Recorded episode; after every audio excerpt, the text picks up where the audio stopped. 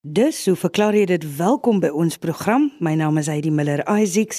Ek verwelkom ook professor Hendrik Geier van die Stellenbosch Instituut vir Gevorderde Navorsing. So ook die ekoloog Dave Peppler verbonde aan die Sentrum vir Indringerbiologie aan die Universiteit van Stellenbosch as navorsingsvernoot.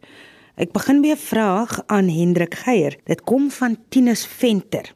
Hy skryf: "Iets wat ek al lankal oorpyns is of 'n waier soos hy waai en draai, die temperatuur in 'n vertrek kan laat daal.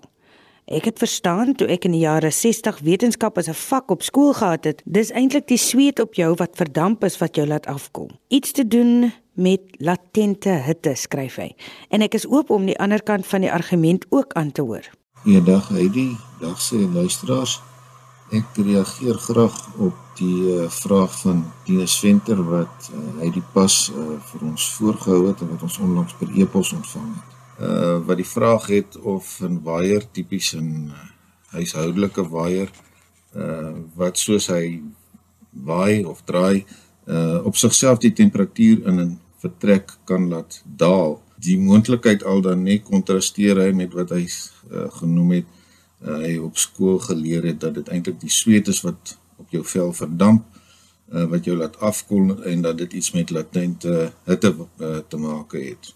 Uh, ek neem aan laasgenoemde is wat jy uh, of eersgenoemde is uh, die moontlikheid wat jy in gedagte het as jy sê jy's oop om die ander kant van die argument aan te hoor. Nou op die ou einde dink ek is daar nie eintlik veel van 'n argument hier nie. Uh, daar is net feitelike uh, situasies soos 'n mens hom kan beskryf Tinus. Ehm um, so kom ek begin.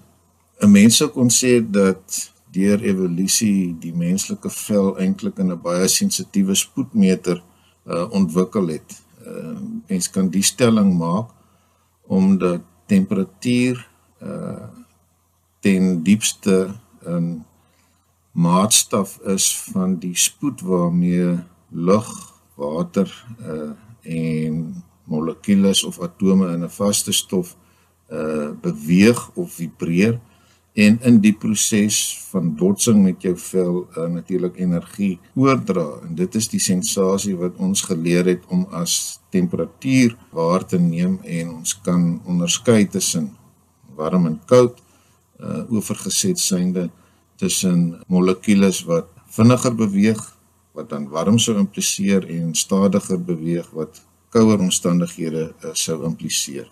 As jy vra of 'n waier op sigself uh, die temperatuur in 'n vertrek kan laat daal, neem ek aan jy praat van 'n situasie waar jy sê maar tipies uh, die temperatuur in 'n in 'n vertrek meet, dan die waier aanskakel en 'n tyd later die temperatuur nog geslag meet. En nou wonder jy of mens sou kon vind uh, dat die temperatuur dalk 'n bietjie gedaal het. Mense nogal baie akkuraat moet meet om hierdie temperatuur verskil as gevolg van die draaiende waier te kan meet uh, tinus. Uh en anders as wat jy suggereer, uh sou jy vind dat die temperatuur eintlik 'n klein bietjie gestyg het as gevolg van die van die feit dat die waier besig is om te draai. 'n Mens kan begin deur uh eenvoudig te vra wat is bekend oor die gemiddelde spoed van lugmolekules by sê maar normale kamertemperatuur. As 'n mens uh, kamertemperatuur is omtrent 20 grade Celsius definieer uh, dan is die antwoord dat die suurstof en stikstof molekules dis tipies die hoofkomponente van die atmosfeer dat individuele molekules onder daardie omstandighede standaard temperatuur en druk uh, teen omtrent 350 meter per sekonde beweeg. Om nou te begin wonder oor wat die effek sou kon wees van so 'n waier. Kom ons onderskei nou maar twee tipes, die wat teen die plafon sit, 'n uh, tipiese bietjie stadiger draai as die ding wat jy op jou tafel neersit. So 'n plafon waier het 'n deursnit van omtrent 1,2 meter, met ander woorde 'n omtrek van rolweg 3,8 meter en die goed roteer teen tussen 3 en 400 omwentelinge per minuut. So as jy mens nou gaan uitwerk hoe vinnig uh, beweeg die punt van so 'n waier lem uh, dan vertaal dit na omtrent 1500 meter per minuut oftewel 25 meter per sekonde.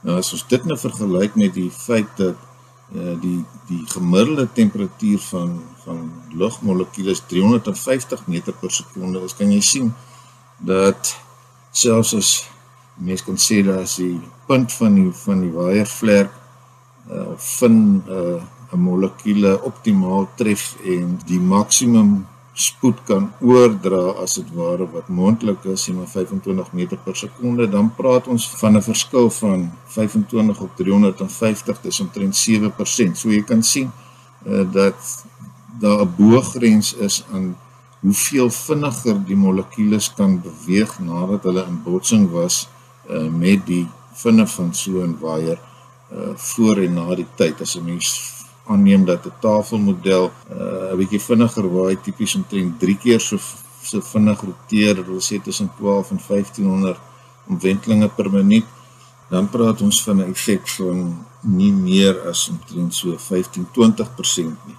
So die slotsom is die feit dat die waier die lugmolekules tref Uh, gaan hulle natuurlik nie almal vinniger laat beweeg nie. Sommige gaan nou waar dit sê stadiger beweeg as 'n molekule reguit afpyl op die waier en hy hom terugklap, gaan hy aanvanklik 'n bietjie stadiger beweeg totdat hy weer uh, in termiese ekwilibrium met al sy ander maters in die, in die kamer is. Uh, so uh, die scenario wat ek geskets het is een waar al die molekules maksimum oordrag kry as gevolg van hulle botsing met die met die waier en selfs dan is dit nie 'n noemenswaardige effek nie. Maar tot die mate wat 'n mens dit wel kan meet, uh, sal jy agterkom dat die temperatuur 'n klein bietjie gestyg het. Uh oor die kwessie van die latente hitte wat jy onthou, uh, Tinus, dis heeltemal reg onthou latente hitte het daarmee te maak dat wanneer 'n stof van fase verander, met ander woorde van vloeistof na gas of omgekeerd of van vloeistof na vaste stof of omgekeerd, uh dit by die oorgangspunt uh gepaard gaan met 'n verandering in fase by konstante temperatuur. So byvoorbeeld as jy uh water kook, die water damp of stoom uh het dieselfde temperatuur as die water, uh, maar hulle is in 'n ander fase omdat daar energie toegevoeg is wat die effek het dat die binding tussen die watermolekules as dit ware uh, oorkom word. Hulle beweeg nou baie meer uh onafhanklik maar by dieselfde temperatuur. So dit is wat latente warmte is. En die rede waarom jy afkoel wanneer 'n windjie oor jou vel waai wat nat gesweet is, daardie latente hitte met ander woorde die bydra tot die sweet of watermolekules op jou vel om sommige van hulle te laat omskakel in gasfase, met ander woorde dat hulle verdamp Nou daardie latente hitte kom van jou vel af. Met ander woorde daar word 'n bietjie hitte onttrek en dit is hoekom jy dan as dit ware voel dat jou vel afkoel. Benewens hierdie effek is dit dan natuurlik so dat die molekules wat agterbly se gemiddelde temperatuur 'n klein bietjie laer is want dit is die vinnigstes wat eers te verdamp. So die som totaal van hierdie effek is dat deur verdamping vind daar afkoeling plaas op jou vel en dit het nie in die eerste plek te maak daarmee dat die lugmolekules se beweging so seer verander of beïnvloed is nie. Uh dis net 'n geval van dat die die waier sorg natuurlik dat daardie proses deurlopend op jou vel plaasvind uh en jy dan die afkoelingseffek kan waarneem. So Tinus, ek hoop dit skerp weer 'n bietjie jou wetenskap van die 60er jare op uh en soos ek gesê het aan die begin daar's nie 'n ander kant van die argument nie daar's eintlik net een kant van die argument Dankie Hendrik. David ons volgende vraag ontvang van 'n uh, anonieme luisteraar van Montetjie se wêreld. Baie interessante vraag veral nou in die era van beerdkrag wat ons in donkerte hul. Behoort interessant te wees om te hoor wat hy als te sê het. Dit lei as volg: Selfs met Eskom aan Vlaarde is ek bekommerd om 'n sonstelsel te laat installeer want ek verneem die omgewingsimpak van die tegnologie is skadelik en blywend. Goeiedag Heidi, goeiedag my mede-kollegas en ook luisteraars. Ons het 'n vraag ontvang uit Montetjie oor sonkrag en hier is my antwoord en ook 'n betoog teen die einde van my bydrae. Sonkrag is die omskakeling van energie uit sonlig na elektrisiteit. Dit is so eenvoudig. Daar bestaan twee metodes of tegnieke. Die een is gekonsentreerde sonkrag wat 'n mens kry soos die klein uh, waterverwarmers in jou huis, maar dan kan dit ook op industriële skaal toegepas word en die van julle wat onlangs by Appington uh, by die lughawe ingevlieg het, sal sien daar bestaan reuse sogenaamde sonplase, swart vlekke in die omgewing wat die son dan onderskep en dit so uh, beskikbaar stel. Die tweede manier is natuurlik fotovoltaïese, met ander woorde die die pikswart uh langwerpige panele wat ons op die dakke van huise, fabrieke en ook in aanleg te sien. En ek wil graag 'n uh, versoek rig na professor Hendrik Geier om vir ons die chemie en die fisika van hierdie sonpanele te verduidelik. Dit lê heeltemal buite my vel. Nou, 'n mens moet net gou so tree terug staan en ook onthou dat daar veel ander tegnieke bestaan uh die die vreemdste vir my uh wat ek al teëgekom het is eintlik geotermiese energie waar jy die aardkors binne boor en ons weet daar is 'n baie sterk verband tussen die diepte wat jy boor en die temperatuur van die omgewende rots. Um en ons weet uit ons diep goudmyne dat een van die grootste probleme is nie rotsstortings nie, maar wel om hierdie tonnels 'n kilometer of meer onder die grond koel te hou sodat mense daar kan werk. Met ander woorde, jy kan inboor in die aarde en veral in gebiede soos IJsland waar die magma baie na aan die oppervlakte, met ander woorde die gesmelte rots. En so kan jy stede soos Reykjavik um volledig bedien met geotermiese energie. Met ander woorde, jy boor in stoom of kookwater in en dit dryf turbines aan en die koolstofvoetspoor hiervan is natuurlik ongelooflik laag. Uh, die tegnieke wat deesdae verfyn word is werklik verstommend. Ek was um, in IJsland waar die geotermiese kragstasie ongeveer 20 km van Reykjavik lê en die warm water dan met 'n pypleiding na die stad geneem word. Oor 20 km val die temperatuur van hierdie water met 1 graad Celsius. Wonderbaarlike wonderbaarlike tegnologie. Kom ons kyk na die meer bekende fotovoltaïese selle wat reeds in 1880 deur Charles Fritz ontwerp of ontdek is, maar die omskakeling was baie laag. Met ander woorde, die, die effektiwiteit van hierdie stelsel was in die orde van 1%. En toe in die vroeë 50s, ek dink dit is 1954 in Amerika, is silikon toe vir die eerste keer toegepas op die okside van silikon en die werkverrigting het opgestoot na 5%. In daardie dae kan jy glo was die koste om krag van silikonpanele op te wek in die orde van 290 dollar per watt. Uh ontsaglik duur. Die eerste sonpaneeltjies was regtig baie duur. Deesdae het hierdie koste baie baie sterk gedaal. Ek sal later daaroor praat. Maar wat dan gebeur is dat die panele word blootgestel aan sonlig, dit wek krag op, elektrisiteit en dit word dan in batterye gestoor en indien benodig deur middel van 'n omsetter word dit dan in wisselstroom verander. Onthou, die krag wat opgewek is, is direkte stroom. Nou, eh, die forme wat hierdie masjiene of apparate aanneem is as volg. Daar's die paraboliese trog. Dink aan 'n huisgeet met 'n reflektiewe laag daarop en dan 'n pyp wat mooi gekonsentreerd in hierdie trog afloop. Die sondig tref die wande van die trog en konsentreer dit dan soos 'n lens op die pyp en so kan 'n mens byna kookwater die nuutste uh, sonverwarmers vir jou dak moet jy werklik in toom hou want dit begin kook en stoom as jy dit nie beheer nie. Dan is daar die laminêre Fresnel lense. Dit is 'n um, uh, lens met fyn gravures op wat dan as prismas dien om so ook 'n uh, groot oppervlakte ontvangsoppervlakte te konsentreer op die element wat verhit moet word.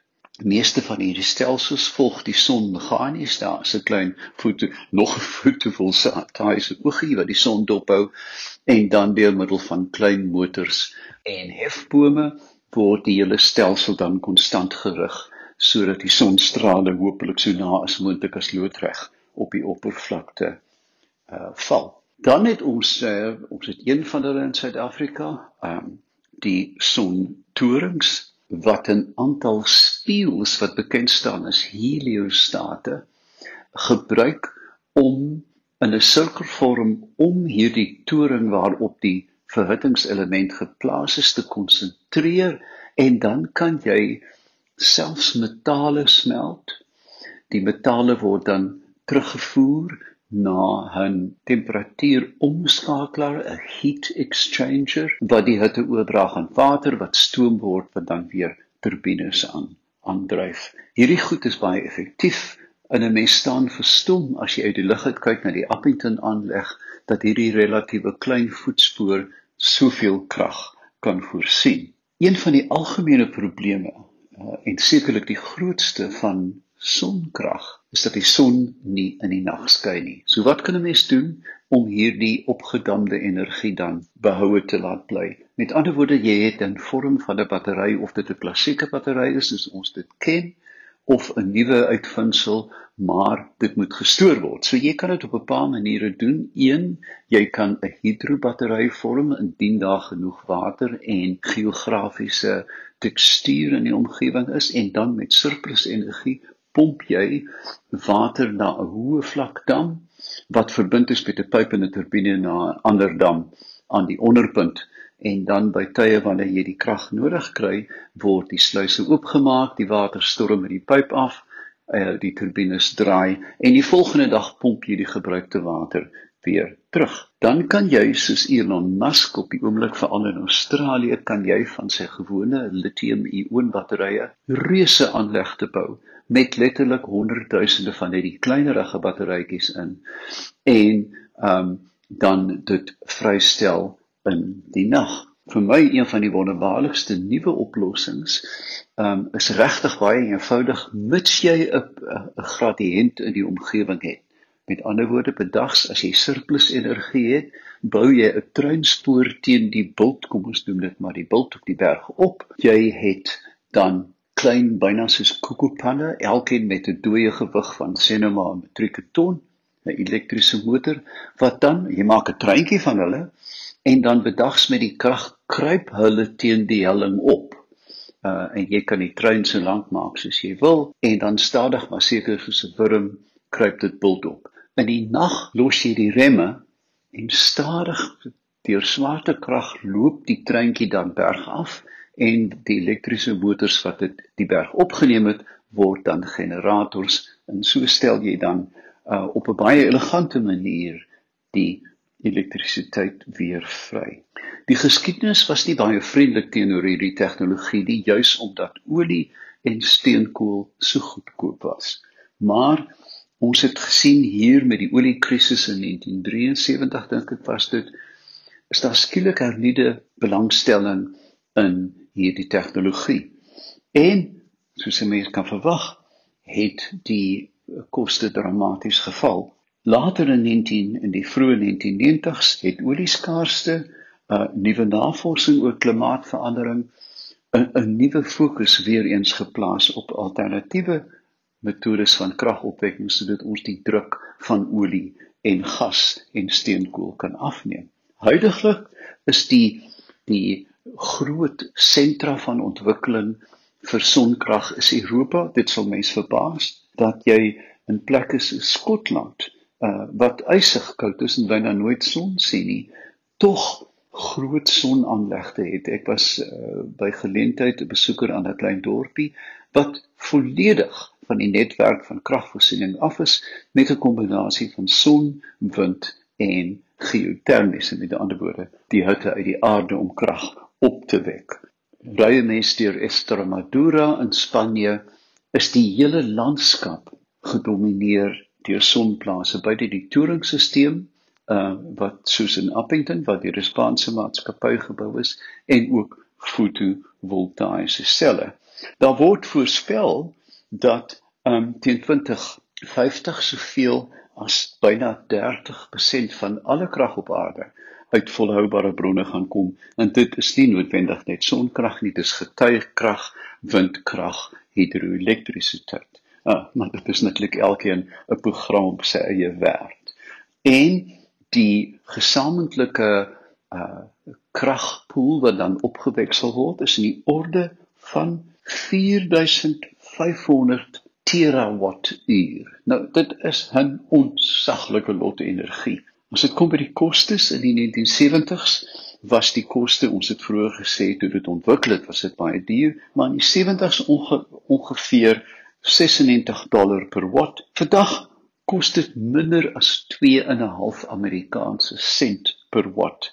En hierdie vorm van energieopwekking is nou meer finansiëel rigbaar as gas en olie. Waar word hierdie uh, groot sonstelsels dan geïnstalleer? Wel, gewoonlik in wat bekend staan as die global sunbelt, die globale sonbelt. En dit is natuurlik die trope, die subtrope en die groot woestyne van die aarde. Die omgewingskoste van die opwekking van hierdie uh, energie is huidigelik 22 tot 46 gram uh, koolstof per kilowattuur. Uh, 'n Kilowattuur is 1 kilowatt krag wat volgehou word vir 1 uur en dit is ongeveer gelyk aan 3600 kilojoules. Indien ons dit met gas vergelyk, ons weet dat ons het heelwat bystandopwekkers in Suid-Afrika, die goed het oortyd gewerk natuurlik en dit is hoekom Eskom so uh, in die grond lê, dan uh, met gas is dit 400 tot 500 gram per kilowattuur. Met olie byna 900 en met steenkool 915 tot 990 gram. Met ander woorde daar is kwantumverskille in die omgewingskoste van die opwekking uh deur sonkrag in vergelyking met die tradisionele metodes. Nou kom ons by die tamaletjie, die eerste groot argument wat mense vir jou sê ek sê koop 'n elektriese motor. Terloops ek het 'n elektriese fiets deesdae ek het 'n 'n sonstelsel so ek trap ten minste verniet. Maar nou ja nou sal mense vir jou sê dat die ontginning van lithium die koste op die omgewing is so dramaties dat dit nie die tegnologie regverdig nie. Enige argument oor sonkrag moet alternatiewe invleg in die gesprek en ook in die uitkomste van die gesprek. Met ander woorde, ons moet kyk na 'n middelslag motor wat vier mense kan vervoer uh, wat loop met tradisionele brandstofolie of diesel en dan 'n elektriese voertuig. Nou net om vir jou 'n idee te gee of julle altans van hoe lank hierdie batterye hou. Almal sê ja, gaan net 10 jaar hou en dan is ek het 'n lewensgewende vriend in Kent in Engeland wat letterlik die heel eerste uh, Toyota Prius die uh, hibriedmotor gekoop het in 1973. Hy het 2 jaar later nog een gekoop. Hierdie twee motors staan buite in die Engelse wind en reën en sneeu en tot vandag toe vir beide van hulle het hy slegs remvoerings verander. Maar as jy eers as die elektriese motor gogga jou gebuit het, is dit neusie verby en jy gaan nie terug na petrol toe nie. Maar dit is netlik Engeland waar laaistasies is vir elektriese motors ensovoorts. En by ons bestaan dit byna nie want Suid-Afrika is 'n baie vreemde uh, land in die opsig van getrouheid teenoor die motors wat hulle koop.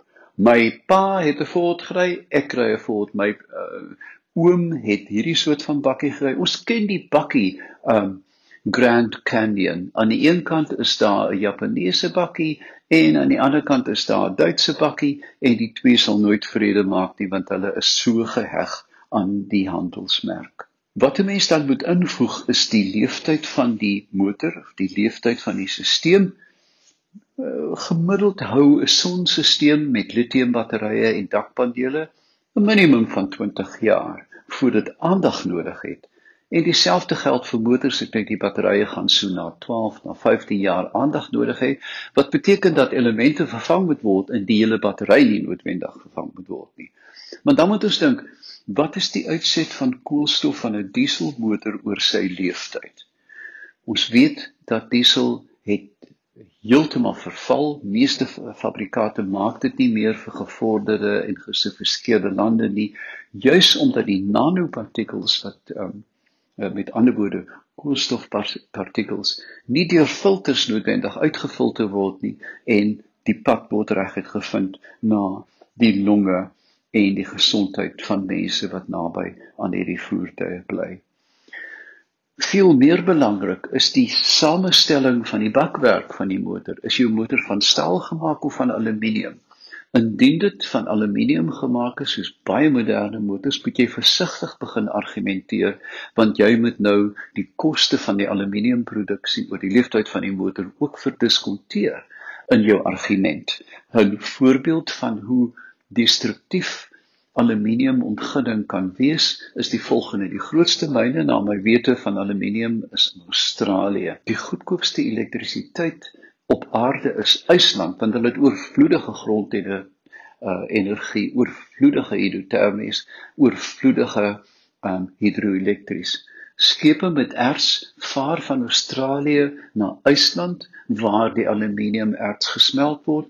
Aluminium word op die skip gelaai, dit voeter terug na Australië waar dit verder in sub um produkte verwerk word en dan word dit weer eens geskep na Europa sodat hulle kan motors bou. Een komponent van 'n motor vaar twee maal om die aarde bykans om gebruik te kan word. Met lithium um, is daar twee maniere om dit te ontgin. Die een is uit rots, 'n baie destruktiewe gewoonlik 'n oop groefmyn waar um, die erts dan uitgehaal word en volgens bepaalde prosesse word die lithium dan uitgehaal maar baie goedkoper en eintlik baie makliker is om lithium uit grondwater uh, uit te haal. Daar is pas 'n ou oh, myn in um, Engeland ontdek wat ek dink dit was 'n steenkoolmyn wat oorvloedige lithium in die grondwater het en daar's oombliklike fabriek gebou. Dieselfde geld vir Chile en vir Australië waar lithium gebruik word. Ons moet ook nie uh net eenvoudig die motorbedryf uh teen hierdie battery tegnologie probeer beskerm nie, maar ons moet daaraan dink aan die miljarde en miljarde Windows sakrekenaars, draadrekenaars, skootrekenaars wat almal almal almal hierdie lithium batterye bevat. So die argument is bring dit in die breë konteks van kragopwekking reg oor die wêreld voor jy 'n oordeel vel. Dit is my absolute mening en ook my droom en wens dat ons in Suid-Afrika wat geseënd is met oorvloedige sonenergie so gou as moontlik van ons skrikwekkende destruktiewe tegnologie wegbeweeg. Ons kan 'n hele dag praat oor Medupe Kusile en wat 'n onbeskryflike gemors dit is. Um dis een van die grootste misdastings in ons uh, land se geskiedenis. So Kom ons kyk nugter na sonkrag. Mense sê ja, dis baie duur. Natuurlik, dit is duur om dit te installeer, maar daar hieraan is twee aspekte. Die een is sonkrag is 'n stelling oor lewenswyse meer as 'n finansiële oorweging. Dit sê dat ek tree verantwoordelik probeer altans verantwoordelik optree teenoor my omgewing, teenoor my medemens en daarom wek ek my eie krag op. Die tweede is natuurlik dat indien jy belangstel in sonenergie, maak dit dubbel en dwars sin om dit te installeer as jy 'n huis bou, dat dit gediskonteer word in die hele proses van die huis en dit maak dit mateloos goedkoper.